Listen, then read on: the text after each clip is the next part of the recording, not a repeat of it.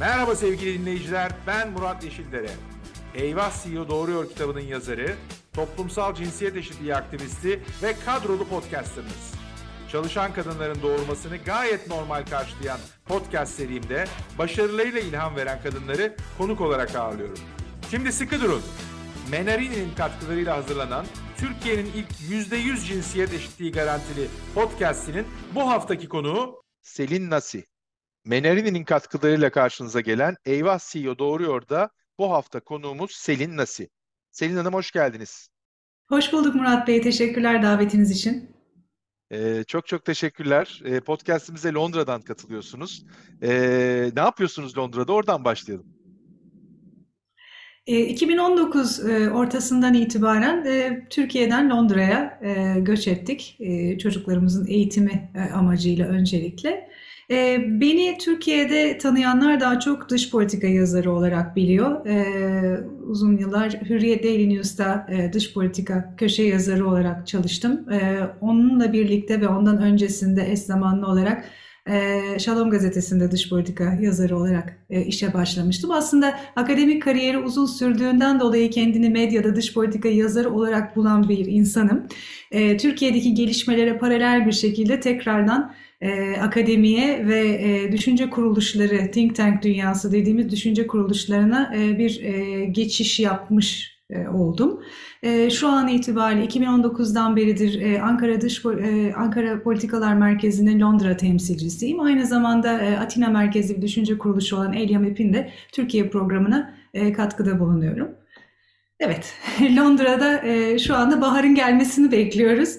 E, burada e, tomurcuklar açmış durumda, parklar rengarenk fakat hava hala hala soğuk maalesef. Onun dışında pek bir şikayetimiz yok. Kralımız taç giyecek, birazcık da gözümüz o haberleri takip ediyor. Türkiye'de yaptığımız işleri de aslında devam ettiriyoruz ve tabii ki elbette dünyanın pek çok yerinden Türklerin yaptığı gibi biz de burada seçimleri seçimlerin sonuçlarını merak ediyoruz ve seçimleri takip ediyoruz bir taraftan. E, Valla seçimleri sizinle e, konuşmayı çok istiyorum ama oraya geçmeden e, hazır sizi de bulmuşken diplomasi, e, dış politika hatta daha da ileri gideyim bu Birleşmiş Milletler'in arabulucuları e, burada da toplumsal cinsiyet eşitsizliği var. hani her yerde olduğu yetmiyormuş gibi. E, neden veya bunun temelinde ne var? Ne engelliyor? e, bu perspektifte o platformda kadınların daha fazla kendine yer bulmasını? E, yani benim gözlemleyebildiğim kadarıyla e, kadınların katılımını e, mümkün kılacak karar noktalarında erkeklerin olması kadın katılımının önünde bir engel teşkil etmekte. Ee, bunu en azından e, şöyle e, şu örnek üzerinden açıklamam mümkün. En son e, seçim aday listeleri açıklandı biliyorsunuz. Seçimlerde partilerin seçilebilecek yerlerden gösterdikleri kadın aday oranları maalesef ki beklentilerimizin çok altındaydı.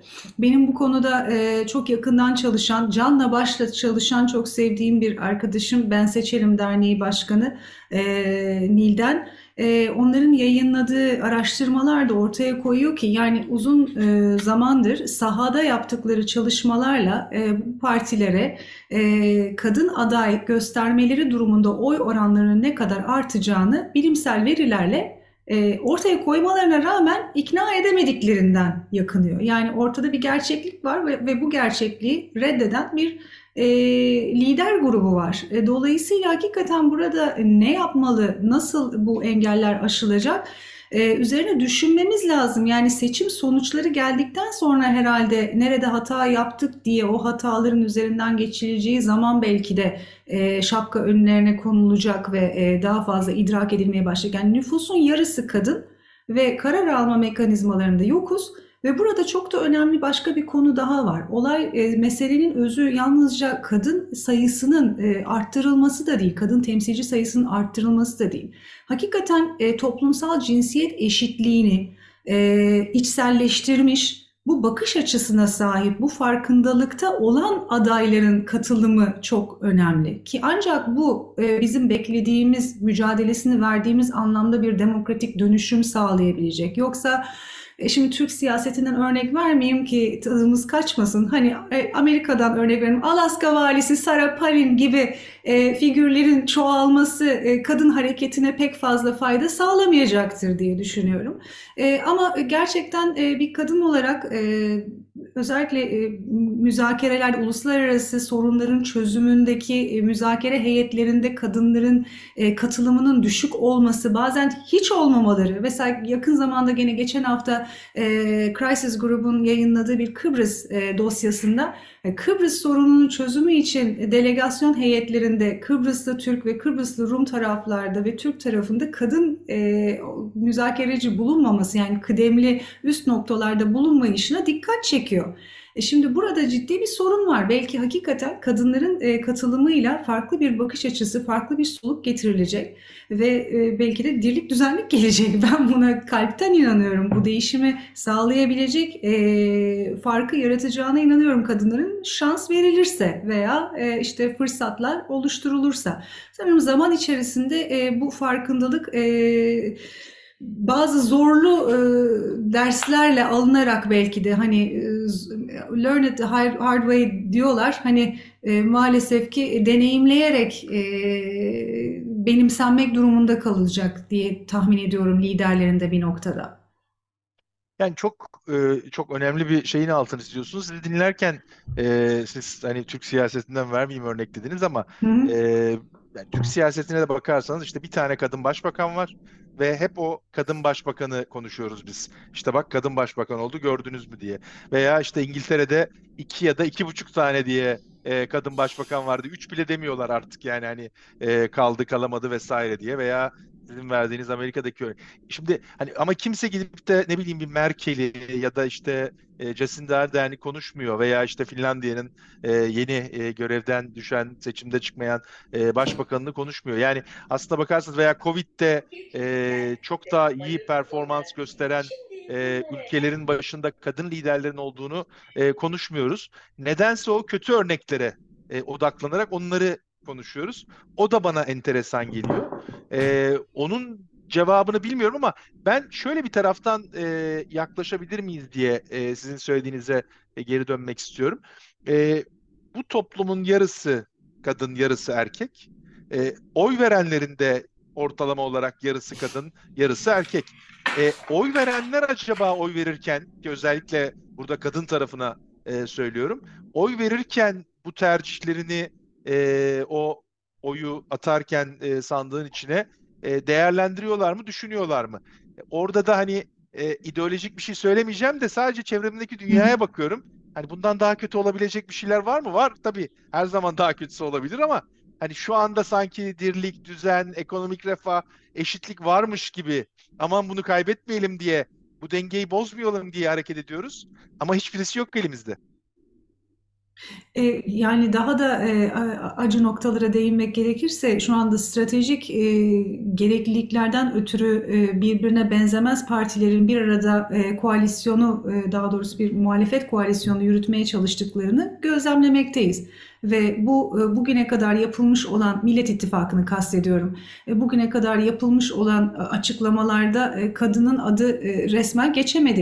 İstanbul Sözleşmesi'ne doğru dürüst sahip çıkılamadı. Şimdi biz kadınlar olarak elbette ki bu durumdan rahatsızız, üzgünüz ama diğer taraftan tam bunun stratejik gerekçeleri var diyerek bir şekilde avunmaya, kendimizi avutmaya çalışıyoruz.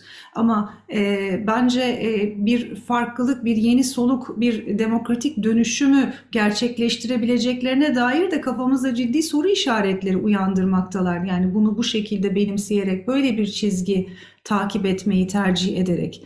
E, hakikaten seçimler sonrasında bakılacak, görülecek ama beklentimiz elbette ki İstanbul Sözleşmesi yeniden e, kabul edilecektir, uygulanacaktır e, gerektiği şekilde diyerek sahip çıkılması olurdu. Ve bunun da tabii ki aday listelerine de kadın adayların seçilebilecek yerlerden yerleştirilmesi de e, bu yöndeki iradenin e, en güçlü e, kanıtı e, olacaktı bizim açımızdan. E, bu e, fırsat maalesef şu an için kaçırılmış oldu. E, peki deminki soruya şöyle geri döneceğim. Yani bu konuda siz hem medya hem akademisyen gözüyle baktığınızda ben e, çok şeyini bilmiyorum ama e, e, mesela reklam dünyasında şöyle bir e, mit var. İşte dış sesin erkek olması kredibilite sağlıyor. Onun için de o dış sesi duyanlar e, o ürünü satın alıyor veya işte o bankaya parasını yatırıyor diye. Mit diyorum çünkü ben bununla ilgili akademik hiçbir çalışma bulamadım. E, ama böyle bir iddia var ve %85'i dış sesin erkek. E, oy verilen kişinin erkek olmasının da sağladığı böyle bir kredibilite olduğuna mı acaba inanıyor siyasi liderler ya da daha seçilebilir olduğuna mı inanıyor erkeklerin milletvekili listelerinde? E, açıkçası buna e, çok net bir yanıt vermem mümkün değil çünkü ben e, seçmen davranışı üzerine pek çalışma yapmış biri sayılmam. Yani sağ çalışmalarına birebir katılmadım. Ha, kadın seçmen olarak bana sorarsanız benim açımdan pek bir fark yaratmayacağı gibi tam tersi kadın hemcinsime e, de, destek vermek e, isterim. E, ben kadın kadınların yurdu olması gerektiğini düşünen ve bunu sadece 8 Mart'ta değil 8 Mart dışındaki günlerde de e, meslektaşlarıma destek olarak e, göstermeye çalışan bir insanım. E, ama evet maalesef böyle bir takım ön yargılar var ve zannedersem bu ön yargıların peşinden gidiyorlar ama bu ön yargıları da kimler yaymış acaba? E, ilk başta çıkış noktalarına da bakmak lazım. Aslında benzer ön yargılar akademide de vardır. İşte e, araştırma yapılırken e, sahada anketörlerin işte kadın olması, e, kişilerin daha rahat açılması ve fikirlerini beyan etmesini sağlar vesaire gibi bir takım e, düşünceler de vardır ama ben e, bu ön yargılardan ziyade kullanılacak dilin e, önemli olduğunu, geçerli olduğunu düşünüyorum. Yani sizin mesajlarınızı seçmeni ikna etmek için nasıl konuşacağınız, nasıl e, iletişim kuracağınız e, sizin cinsiyetinizden çok daha önemli ve ikna edici olacaktır bir noktada. E, siz bir tarafında ya da medyanın da e, hı hı. özellikle son dönemde belki e, daha da içindesiniz. Sosyal medyayı çok yoğun kullanıyorsunuz. Sosyal medyanın bu yaygınlaşması toplumsal cinsiyet eşitliğinin olumlu ya da olumsuz yönde etkiliyor diye sorsam? Şöyle herkese e, sesini, düşüncesini ifade etme e, platformu, fırsatı sunan bir platform sosyal medya. E, ben daha çok e, Twitter'da e, etkinim. Yani e, profesyonel anlamda e, paylaşımlarımı Twitter'dan yapıyorum. Daha e, eğlenceli olan e, şeyle hayatımın geri kalanları için diğer sosyal medya platformlarını da kullansam da evet Twitter e, özelinde konuşmak gerekirse e, herkes için aslında kadını erkeği ifadelerini özgürce en azından e, limitler yapının e, müsaade ettiği e, limitlerde e, ifade etme alanı e, sağlıyor hepimize. Kadınların e, yaşadığı bir takım sorunlar oluyor mu? E, evet ben kendi adıma konuşabilirim. E, hele bir dış politika uzmanıysanız ve siyasetle ilgili yorumlarda bulunuyorsanız e, sosyal medya aynı zamanda insanların kendilerini göstermek, kendilerine onay almak, kazanmak, başkalarından üstün taraflarını e, cilalı bir şekilde göstermeye çalışmak için de kullandıkları bir araç, bir aslında böyle bir görevi de var.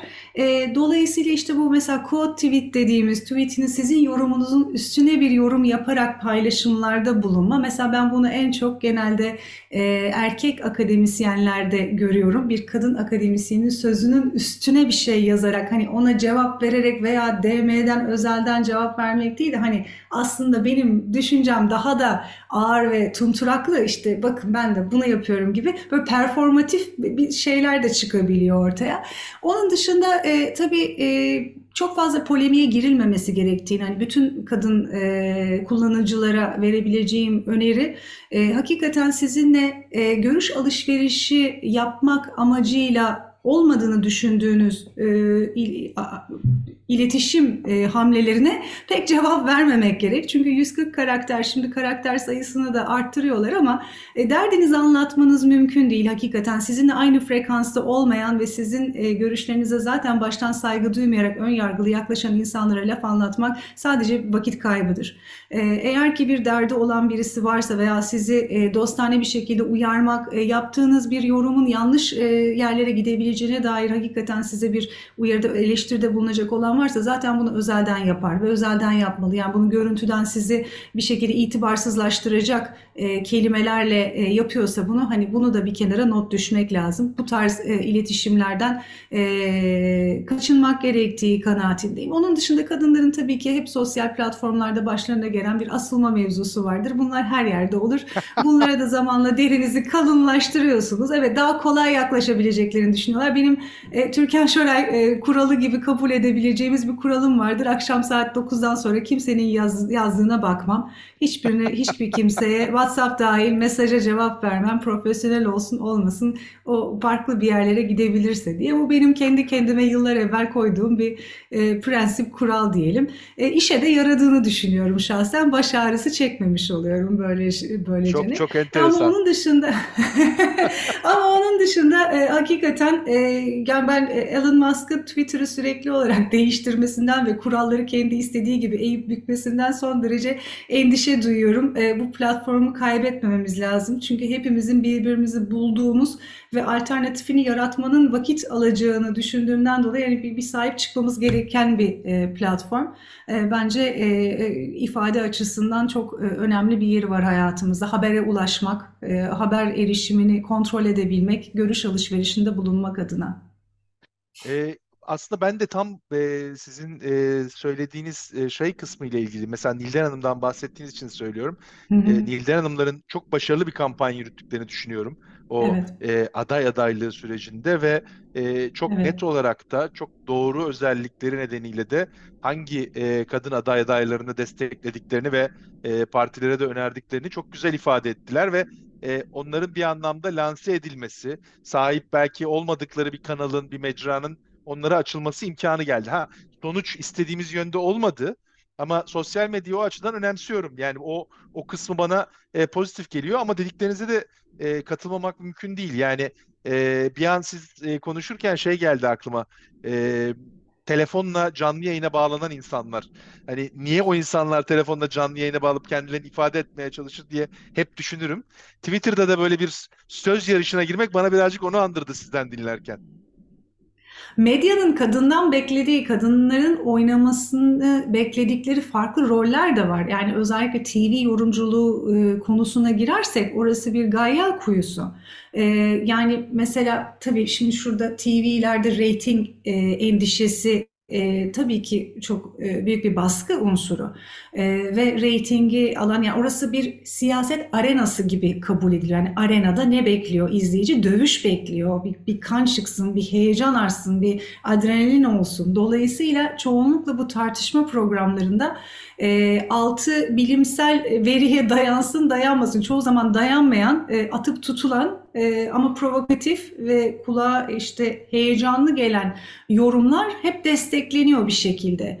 Ve bunları da çoğunlukla dile getirenler erkek yorumcular ben bakıyorum şahsen. Ve daha sonra herhalde hani bu kayıtlı kalacak ya hani YouTube'da falan yarın bir gün açılıp bakılsa ve bilimsel bir şekilde çürütüleceğini bildikleri e, görüşleri dahi savunmaktan hiç geri kalmıyorlar. Çünkü onlar ertesi programa katılımı bu şekilde garanti etmiş oluyor ve hiçbir bu konuda bir endişeleri yok. Kadınlar bu konuda daha sanki e, temkinli ve hakikaten programlara hazırlık aşamasında da biraz daha kılı kırk yarıyorlar. O yüzden e, uzmanı olmadıkları konularda da yorum yapmaktan kaçınıyorlar. Bu benim de başıma geliyor mesela. Yani hiç çok benden çok daha fazla diyelim ki bir dosyaya vaktini harcamış, o konu hakkında kitap yazmış, bir sürü makale yazmış bir uzmanı gene kadın uzman olmakla beraber hani onu ben e, mesela ço- çoğu zaman bir başka ismi önerebiliyorum kendi yerime eğer ben kendimi yeteri kadar o konuda yetkin hissetmiyorsam.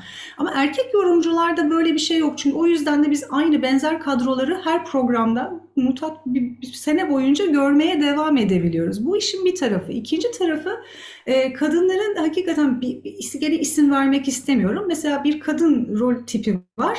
E, cazgır diyebileceğimiz tarzda. Hani bu, bu da böyle bir agresif bir şekilde saldırarak başkalarının lafını keserek konuşma üzerinden de böyle hani dikkat çekebilen e, insan tipleri var. Mesela ben bir kere bir, bir perde arkasında böyle sunucu e, sunucudan hakikaten geri bildirimi aldığımı e, hatırlıyorum. Yani birazcık daha agresif olsana hani çok kibarsın falan gibilerinden. Yani şimdi ya iyi ama yani ne yapacağım? Yani ben bana benim aldığım e, terbiye başkasının sözünü kesmezsin, bitirir yanındaki. Ondan sonra konuşmaya devam edersin. Yazarsın hani unutmamak için o sözünü bitirinceye kadar hangi noktaya eğer ki e, tepki vereceksen veya katılmıyorsan itiraz edeceğin noktaları da yazarsın. Sonra sıran gelir. Tek tek tek konuşursunuz değil mi? Yani en azından ben böyle yapıyordum. O yüzden bu konuda mesela bir e, şey aldığımı, eleştiri aldığımı hatırlıyorum. Ama e, bir de akademik e, arka planınız varsa iş daha da zor. Çünkü e, bizim şimdi akademik sınavlarda bile sorular sorulur. Hiçbir sorunun evet veya hayır veya haklı mıdır, haksız mıdır gibi bir cevabı olmaz. Sizin amacınız akademisyen olarak bir konuyu farklı yönlerden ele alarak hakikaten zamana göre de değişimini, taraflara göre de o konunun farklı görünümlerini ortaya koymaktır. Yani siz onu konuda didaktik bir şekilde bu böyle olmalıyı değil, olanı vermeye çabalarsınız. Yani amaç bu en azından bize bugüne kadar böyle öğretilmişti ama ekranların görmek istediği, duymak istediği şeyler çok farklı olabiliyor. Bunları bağdaştırabilmek de çok zor. Kadın olduğunuz zaman bir de ek bir fırsat maliyeti var bu işin. Saçı, makyajı, düzgün görünmek, kıyafetin dekolte olmaması ama düzgün de gözükmesi, presentable gözükmek. Erkekler gibi bir ceketi giyip saçınızı hiç hani duşunuzu aldıysanız temiz görünürsünüz gibi biz çıkamıyoruz. Şimdi bir de akşam vakti gece e, programlarını düşünün. 4-4,5 saat sürüyor. Ben hatırlıyorum bir kere full makyaj CNN Türk'ten çıktıktan sonra gecenin bir yarısı navigasyon beni bitmiş bir yola götürdü. Yol devam etmiyor. Buradan devam edeceksiniz diyor. Yan yola çıkmışım. Gerisin geri döndüm bir meydana, mahallenin meydanına bir sürü delikanlı var orada. Allah'ım dedim şeyi açtım, camı açtım. Bakıyorum ama full makyajım yani hani az solist gibi görünüyorum. Allah'ım dedim sen koru ne yapacağız artık yol yön sorarak, bir şekilde eve varmayı başarmıştım ama kadınların böyle bir e, sıkıntıları da oluyor. O zaman sorgulamaya başlıyorsunuz. Ya ben dört buçuk saatimi veriyorum, vakfediyorum. Bir işe yarıyor mu? Attığım taş ürküttüğüm kuşa değecek veya bir kanaat oluşturabiliyor muyum hakikaten? Yoksa acaba evime gitsem yazı yazsam daha mı iyi olacak diye. Hani böyle şeyler de e, düşünüyoruz bir taraftan. Çok çok çok önemli. E, sizi dinlerken e, Ahu Özyurt'u e, bu podcast'te konuk etmiştim. O e, enteresan bir şey söyledi. Hani ekranlar belli bir bedende kadınları, belli bir yaşta kadınları göstermek istiyor. Yani ekranlar derken de tabii aslında arkadaki o medya yöneticilerinden bahsediyor. E, ama hani o onun deyimiyle söylüyorum. Ama dedi bir de Christina Amanpour gerçeği var. Hani o döneme de veya o noktaya da bir yerde geleceğimizi ben hayal ediyorum, bekliyorum dedi. E, herhalde bir iki sene oluyor bunu konuşmamız. E, Türkiye'de çok bir gelişme görmüyorum ben o anlamda. Yani Türkiye'de hala o Ahu'nun bahsettiği ilk tasviriyle benzer bir medya politikası var gördüğüm kadarıyla. Herhalde diyorum ben medya çeşitlendikçe e, bu bakış e, açısı da gelişecek ve yerleşecektir. E, çünkü farklı kadınlara da e, alanlarında kıdem kazanmış kadınlara da yer verilecek bir noktada. Yani şu anda çok talihsiz dönemlerden geçiyoruz. E, bu sıkıntılı dönemi atlattıktan sonra ben Ahu gibi biricik hakikaten sahip çıkmamız gereken e, makul düşünen ve ekrana çok yakışan, ekranı dolduran e, kadınların tekrardan yerlerini alacağını ümit ediyorum. Burada da aslında hani demin seçimi konuşurken seçmenlerden bahsettik. Medyayı konuşurken de bence ister istemez her ne kadar e, tabii ki özgür medyadan bahsediyoruz ama bir reklam veren gerçeği var. Ve o reklam verenler e, bu e, şekillendirmeyi, yoğurmayı eğer doğru talepte bulunurlarsa e, yapabilirler diye düşünüyorum. Yani e, hani işte e, içinde şiddet olmayan e, olan dizilere reklam vermemek veya işte demin bahsettiğiniz o agresif tavırlı olan e, programların aralarına girmemek reklam bandında. Hani bunlar aslında çok da akla uzak şeyler değil. O zaman da şunu düşünüyorum. Acaba reklam veren de bunu yapmadığına göre o reklamı tüketen insanlar da mı bu bizim olmaması gerekir dediğimiz şeyleri mi istiyor? Doğru bir nokta olabilir hakikaten. Ee, belki risk de almak istemiyorlar. Yani pasta zaten çok rekabetçi bir pasta payı var. E, bu payı kaybetmek istemiyor da olabilirler. E, neden risk alıp devrimci bir hareketle böyle bir yola girelim diye de bakıyor olabilirler. E, gerçekten bilemiyorum sebebini. Biraz evvel hafif bir dokundunuz ama birazcık orayı detaylandıralım. Hani double click yedik birazcık dibine doğru gidelim. Ee, size sadece İstanbul Sözleşmesi desem? Mutlaka uygulanmalı. Hatta daha da genişletilmeli. Yani hala e, yurt dışında Türkiye dendiği zaman e, maalesef çok e, olumsuz bir algı var. Yani kadın hakları, kadın cinayetleri, insan hakları, demokratik e, hak ve özgürlüklerde geriye gidiş. E, halbuki 2008 öncesi, 2007 öncesine kadar bir Türkiye, yükselen bir Türkiye anlatısı vardı. Yani girdiğiniz her uluslararası toplantıda Türkiye'den övgüyle bahsedilirdi. Ben hakikaten ülkem hakkında tekrardan e, iyi gündemlerle anılmak, e, konuşulmak istiyorum.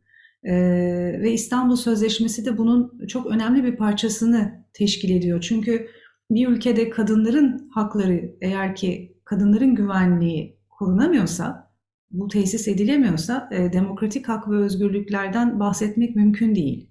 Ekonomik ilerlemeden, kalkınmadan bahsetmek mümkün değil. E, ve bütün bunlar için e, hem e, bir farkındalık hem eğitim programları yani hem zihinsel dönüşüm hem de kurumsal dönüşüm başat bir şekilde yürütülmesi gerekiyor. Yani biz yalnızca kadın işte e, temsilini arttırmaya çalışalım veya şiddet uygulayanları cezalandıralım.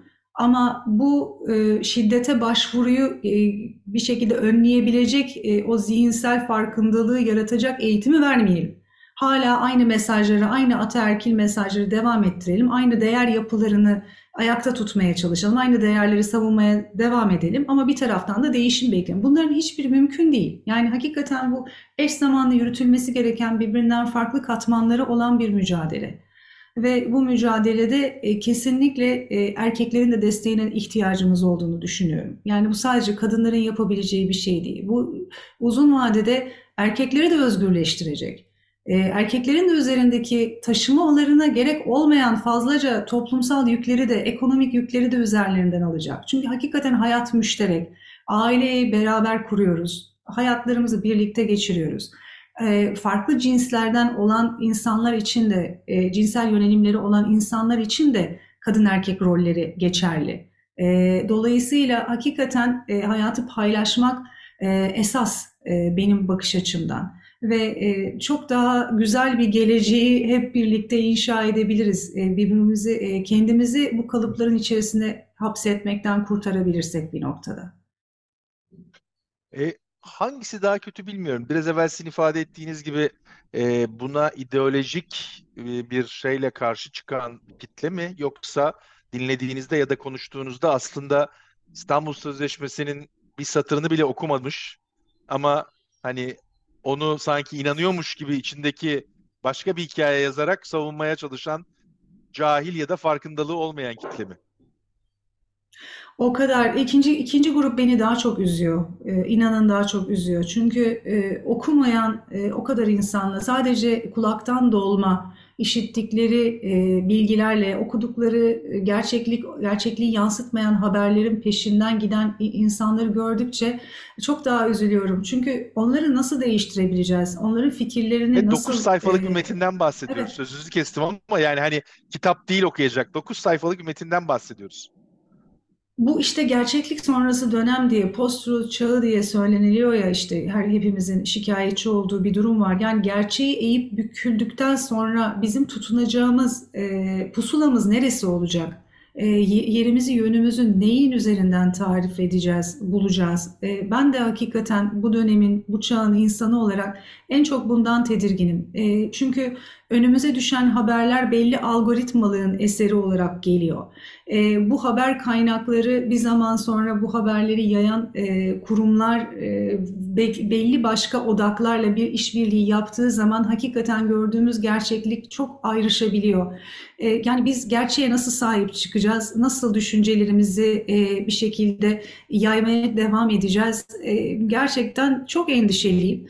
Ama doğru bildiğimizden de şaşmamamız gerekiyor. Bir insanı bile, bir insanın bile düşüncesini değiştirebiliyorsak ben artık etrafımdaki bütün yakın çevreme, oğullarım dahil olmak üzere yani arkadaşlarının bile arkadaşlarına bile durumu anlatmaları yani neden bazı konularda ilerleme ve değişim gerektiğini onları ikna etmeleri konusunda lobi yapmaya teşvik ediyorum. İtiraf da ediyorum burada. Daha aktif bir siyasete başlamış durumdayız. Önce aileden başlıyoruz. Aile içinde yetiştiriyoruz e, sahaya e, kurmayları yaymak amacıyla. E, çok çok değerli söylediğiniz yani hani bir tane deniz yıldızı dahi olsa e, Evet. ve hani her dokunduğunuz, her etkilediğiniz insan ve değişimden bahsediyorsunuz. E, toplumsal cinsiyet eşitliği hep söylediğimiz gibi güçlü, sağlıklı bir toplum yolunda olmazsa olmaz kavramlardan biri. Siz de biraz evvel ifade ettiğiniz ekonomik refah da bunun parçası. E, sadece cinsiyet anlamında değil, genel eşitlik de bunun parçası. E, bizim e, 2023'te podcast'imize destek veren Menerini de daha fazla sağlık, daha fazla mutluluk, daha fazla hayat misyonu ile ilerliyor. Ve e, Menerini bizden bir ricada bulundu. Dedi ki konuklarımıza şu soruyu soralım. Daha mutlu ve eşit bir toplum için toplumsal cinsiyet eşitliği bağlamında hemen bir şeyi değiştirecek güçleri olsa bu ne olurdu?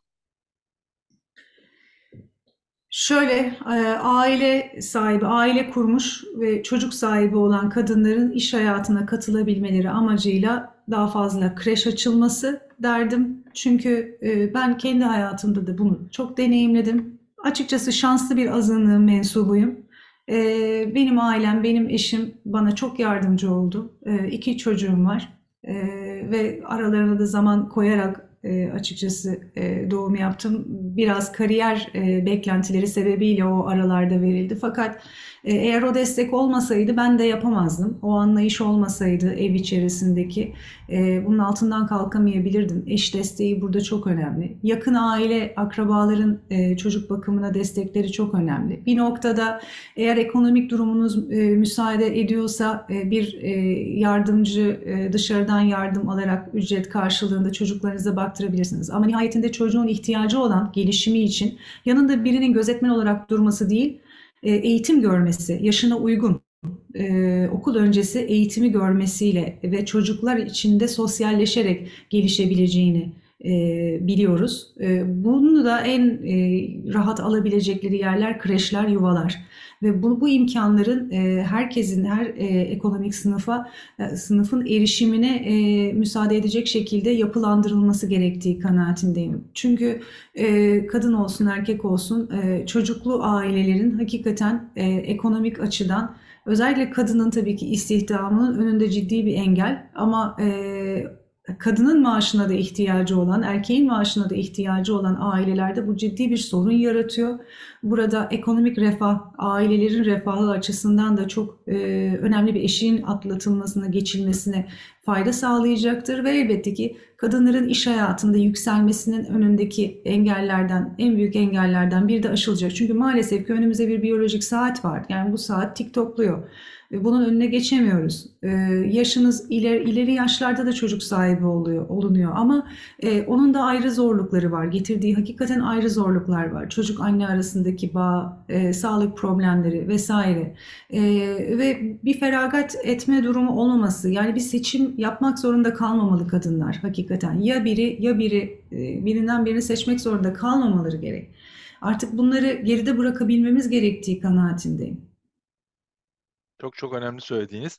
Ee, bir de tabii bilmiyorum e, benzer düşünüyor musunuz? Ben e, zaman zaman bu bahsettiğiniz seçimi yapmış kadınların e, aslında o seçimi de hani bu bizim ya da sizin anlattığınız kadar keskin bir ayrım ve zorlanarak yapılmış bir şey değil de hani omuzlarına yüklenmiş birilerinin yüklediği ve onların vermeleri durumunda oldukları bir karar olarak algıladıklarını da gözlemliyorum. Yani hani o zor kararı e, bir yönde vermelerinin aslında e, olması gereken olduğuna inanan da çok fazla sayıda kadın var. Benim gözlemlediğim kadarıyla ikinci çocuğu yapmayan ya da işte dediğiniz gibi çocuk yaptıktan sonra kariyerinden kopan kadınlara baktığımızda. Ben tabii herkes kendi hayatından e, bunu deneyimleyerek Mutlaka. görebiliyor. Ben kendi hayatımdan şunu söyleyebilirim. çok fazla yıprandık. Kadınlar olarak yıpranıyoruz. Üzerimize yüklenen çok fazla sorumluluk var. Okuldayken okuduğumuz işte düşünürler, ekonomistler, edebiyatçılar önlerine erkek edebi yani erkek olanları için söylüyorum. Önlerinde e, belli e, yemek öğünlerini hazır buluyorlardı muhtemelen. Yani çamaşırımı yıkadım mı, gömleğim ütülü mü, işte akşam yemeğinde ne yiyeceğiz, alışverişi yapmış mıydım gibi bir e, endişeleri hiç yoktu herhalde.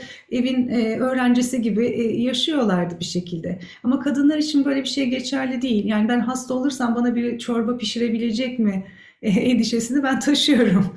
Tamam istesem yapılır ama hakikaten kendi kendime de bakmak zorundayım. Deadline'lar söz konusu olduğunda yani bir işi yetiştireceğim tarihlere tarihler daha yaklaşmadan aylar öncesinden plan program yapmak durumundayım. Çünkü hata paylarımız çok düşük. Yani çünkü siz bir kadın olarak vaktinde işi yetiştiremediğiniz zaman işte kadın ya işte böyle oluyor işte kadınlara iş verdiğimiz zaman bakış öyle bir yoruma e, kesinlikle e, mahal vermemek adına çok daha fazla yoruyorsunuz kendinizi ve sizin sorumluluk alanınız da çok geniş olduğu için öngöremediğiniz e, sorunlar da çıkabileceğini hesap etmek durumundasınız. Yani o, o günün o gün okul olmaması, e, tatil gününe denk gelmesi, falancanın doğum günü olması, beklemediğiniz bir akraba ziyareti, yatıya misafirin gelmesi, eşinizin iş seyahatini, yani o kadar çoğaltılabilir ki e, örnekler. Bütün bunları bir şekilde kapsayacak şekilde iş programınızı yapmanız gerekiyor. Bir sürü e, topu hakikaten jonglör gibi e, aynı anda döndürmeye çalışıyoruz. E, hiç kolay değil, yıpranıyoruz da. Ben kendi hayatımda farklı bir yöntem izlemek istedim. Benim e, önümde çok e, başarılı bir kariyer kadını vardı annem. E, açıkçası gene bunu tekrar etmeliyim ki şanslı bir ailede doğdum.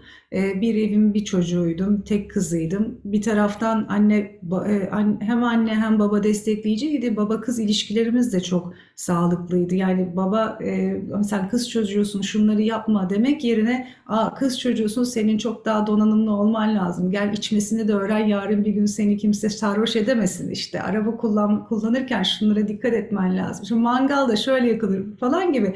Bir erkek çocuğu oğlu olsa neler paylaşacaksa onları da paylaşmayı e, açık bir babaydı. Dolayısıyla beni çok besledi, e, cesaretlendirdi her alanda. Anneme gelirsek bir kariyer kadınıydı söyledim.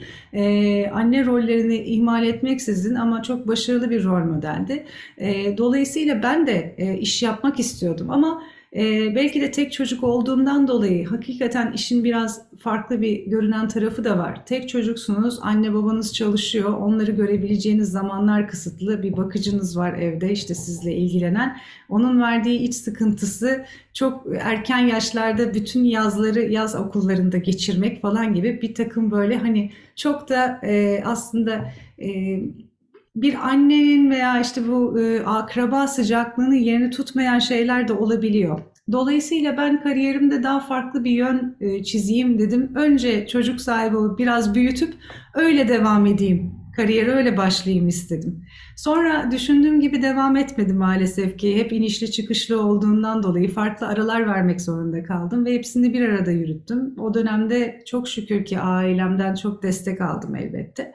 Ama e, iş hayatı beni e, kadın hareketlerine, kadın, kadın hareketinin ne kadar önemli bir şey olduğuna, feminizme çok daha fazla bağladı. Yani gördüğüm hakikaten eşitsizlikler, o camdan tavanlar, aynı e, eşit koşullarda yarışmıyor olmamız ve o ön yargılarla çarpıştıkça, karşılaştıkça e, bu mücadeleye daha fazla sarılmamız gerektiğine kanaat getirdim. Ve e, bu da e, bugünkü e, noktaya beni taşıdı diyebilirim. E, o yönden hakikaten bu podcast'i izleyen e, kadınlara e, söyleyebileceğim hani yalnız değilsiniz. Çok benzer sorunları yaşıyoruz.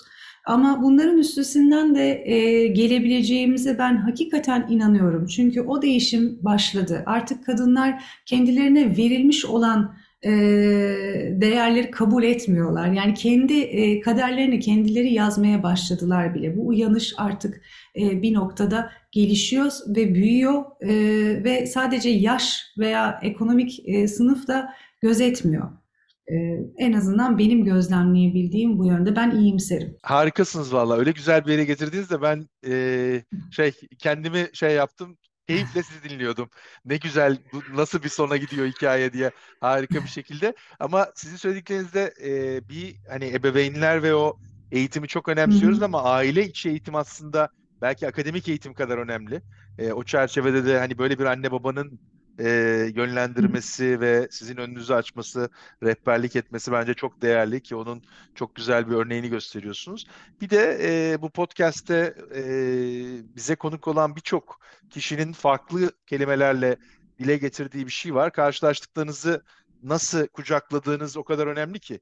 Yani çok benzer durumlara farklı tepkiler veriyoruz. Bazılarımız hiçbir şey olmamış gibi yürüyoruz ve hani o umuda, o ışığa doğru gidiyoruz. Bazılarımız ise o duvara toslamaya devam ediyoruz. Siz o e, Ben savaşçıyım. Ben bu konuda savaşçı savaşçı olduğumu söyleyebilirim. Yani benim başıma çok nahoş olaylar da geldi. Çok şükür Me Too gibi bir şey hiç gelmedi. Yanlış anlaşılmasın. Ama mesela yani bir doktora programında e, haksız yere programı programdan çıkarıldım ben. Ve e, o programdan beni çıkaran hocayla da e, bir, bir 4-5 yıl sonra e, karşılaştık bir konferansta. E, Ben de o sıra e, ikinci çocuğumu doğurmuşum, yetiştiriyorum. Ama e, üniversiteye de ikinci defa başka bir üniversitede tekrardan doktora programına başlamıştım. O dönemde tam e, karşılaştık. Ne yapıyorsun diye sordu. Söyledim hocam dedim işte şu üniversitede tekrardan başladım. Arada ikinci çocuğu yaptım falan. Böyle sırtıma pat pat vurdu. E dedi asli görevimiz de bu değil mi dedi. Yani şimdi düşünün hani ben buradan sonra karalar bağlayıp ah işte adam haklıymış ben de o zaman her şeyi bırakayım demedim. Yani başıma gelen e, talihsiz olaylardan e, ders alıp hani bir daha öyle bir şeye mahal vermek için ne yapabilirim diyerek çalışmaya devam ettim. Bir de tabii e, yaşla da farkındalığınız artıyor. Bazen başımıza gelen talihsiz şeyler daha talihli, daha hayırlı e, başka olaylara da vesile olabiliyor. Dolayısıyla belki o zaman yaşadıklarım olmasaydı ben medyaya e, girmeyecektim. Bu sayede hakikaten uzayan bir akademik kariyer dolayısıyla medyada yazıp çizmeye başladım ve görünürlüğü arttı. E, Sesinizi duyurmak ve insanlara dokunabilmek hakikaten en güzel geri bildirim. E, En, en, en keyifli tarafı belki de yazar çizer olmanın, entelektüel olmanın. E, Bunun e, verdiği tatmin insana çok bambaşka. Yani sadece akademisyen olmanın yanı sıra e, bu da sahada sizin yaptıklarınızın e, karşılığını görebilmenizi sağlıyor. O yönden çok da şikayetçi değilim isterseniz ama var böyle böyle bakan insanlar var ve bu bakan insanlar işte sizin e, önünüzü kapayabiliyor da açabiliyor da. Dolayısıyla hani bir şeyler olurken bütün suçu kendinize de aramamanız lazım. E, insanların da sorumlu olabileceği e, olasılığını da gözden geçirmekte fayda var. E, şey çok çarpıcı geliyor bana. E, e, Itır Erhard e, Covid sonrası akademide yapılan bir uluslararası araştırmadan bahsetmişti. Sizin biraz evvel e, söylediklerinizle paralel ki onu en son noktaya bağlamaya çalışacağım. E, araştırmanın sonuçları erkek akademisyenlerin Covid sırasında e, akademik yayın üretkenliğinin %50 arttığını, kadın akademisyenlerin %50 azaldığını göstermiş. Şimdi akademisyenler ve akademi içinde hani bir taraftan eğitim şart diyoruz da hani e, eğitimin işte ulaşabileceği yer burası. Sizin hani sırtınıza e, asli görevimiz bu diyen akademisyen de o grubun parçası. Kapısını kapanıp e, kağıt yazan, o sırada da belki eşi olan profesörün yemek hazırladığı, çocuklarla uğraştığı akademisyen de aynı ortamda. O kısım hakikaten hazmetmesi diyeyim, kabul etmesi en zor olan kısım e, geliyor bana. Yani onun için de biraz evvelki şeye geri dönüyorum.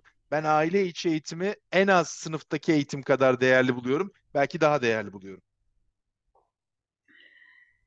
Kesinlikle katılmamak elde değil. Hakikaten entelektüel seviyenin artışıyla doğru orantılı bir şekilde artmıyor hani e, feminist harekete destek verenlerin sayısı. Tam tersi aman ben konumumu kaybetmeyeyim, e, ben konumumu e, muhafaza edeyim diyerek bakıp e, diğer e, rakiplerinin özellikle de kadın rakiplerinin altını oymaya çalışan çok çok insan var. Kesinlikle katılıyorum size. Selin Hanım, ben daha fazla vaktinizi almak isterim ama podcast'in sonuna geldik. Ee, harika bir sohbet oldu. Benim için son derece akıcı. Ee, iyi ki katıldınız. Çok çok teşekkürler paylaşımlarınız için. Ben teşekkür ediyorum. Sağ olun. Hoşça kalın. Eyvah CEO Doğruyor da bu hafta konuğumuz Selin Nasi oldu. Önümüzdeki hafta farklı bir kadın liderle tekrar karşınızda olmak dileğiyle.